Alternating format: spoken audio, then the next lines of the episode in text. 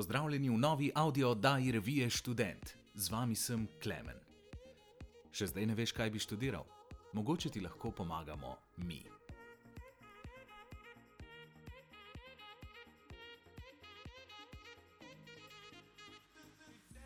Ali naj študiram in kaj?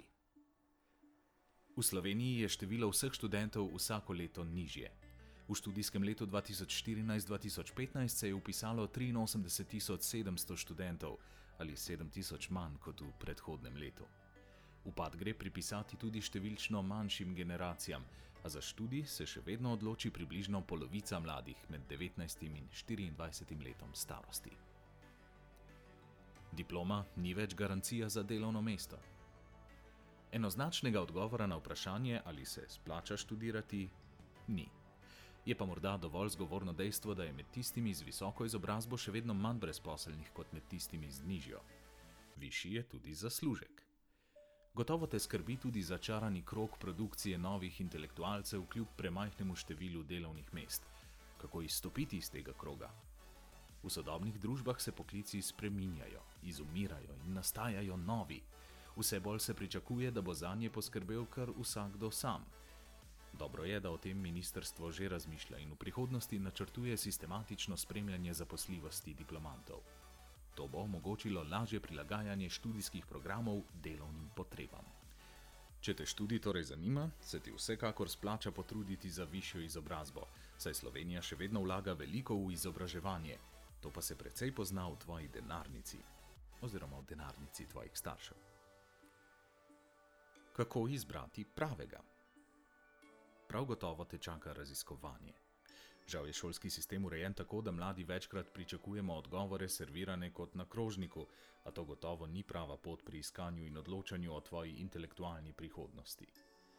Ena izmed šolskih psihologin svetuje, da si sestaviš preglednico.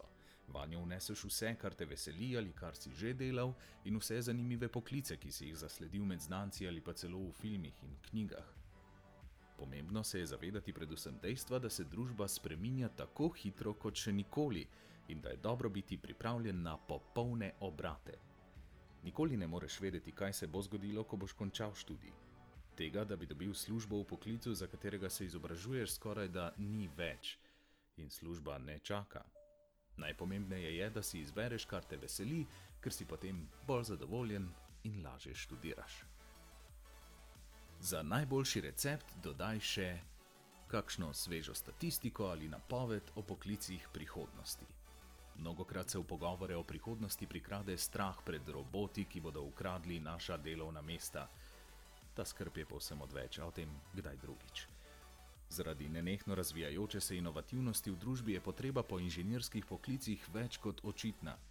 Med poklici z naravoslovnega področja, ki so bili bolj iskani oziroma hitreje zaposljivi, so inženirji strojništva, elektrotehnike in elektronike, programerji računalniških aplikacij, razvijalci in analitiki programske opreme in aplikacij ter tehniki za strojništvo.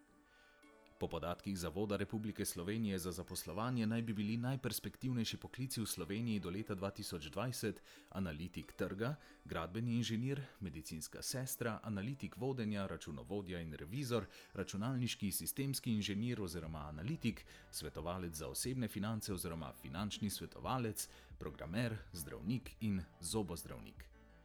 Več o iskanih poklicih si lahko prebereš še v članku Najbolj in najmanj zaželeni poklici. Še na svet kadrovskih strokovnjakov. Ker bo veliko poklicev tudi izginilo, so za uspešno zaposlitev potrebna interdisciplinarna znanja oziroma zavedanje o pomembnosti vseživljenjskega učenja in nenehnega prilagajanja potrebam trga dela. Tehnična znanja bo treba dopolnjevati z zelo dobrimi socialnimi spretnostmi in sposobnostjo sodelovanja, Kadrovski strokovnjaki svetujejo, da se pri izobraževanju ne opiraš le na en sektor, temveč opraviš dodiplomski študij, naprimer z področja naravoslovja, podiplomskega pa z področja družboslovja. Za vsa študijska področja pa velja, da je ključ do uspeha predvsem pester nabor praktičnih izkušenj, zato se s potencialnimi delodajalci poskušaj povezati že v času študija. Domišljijske službe.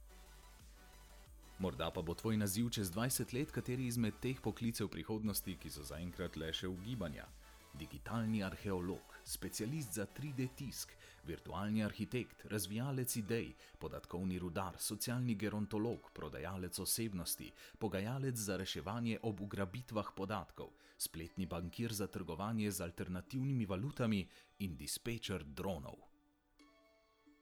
Ti je bil prispevek všeč? Še več takšnih vsebin najdeš na student.si in v reviji Student, ki jo najdeš po ljubljanskih in primorskih fakultetah.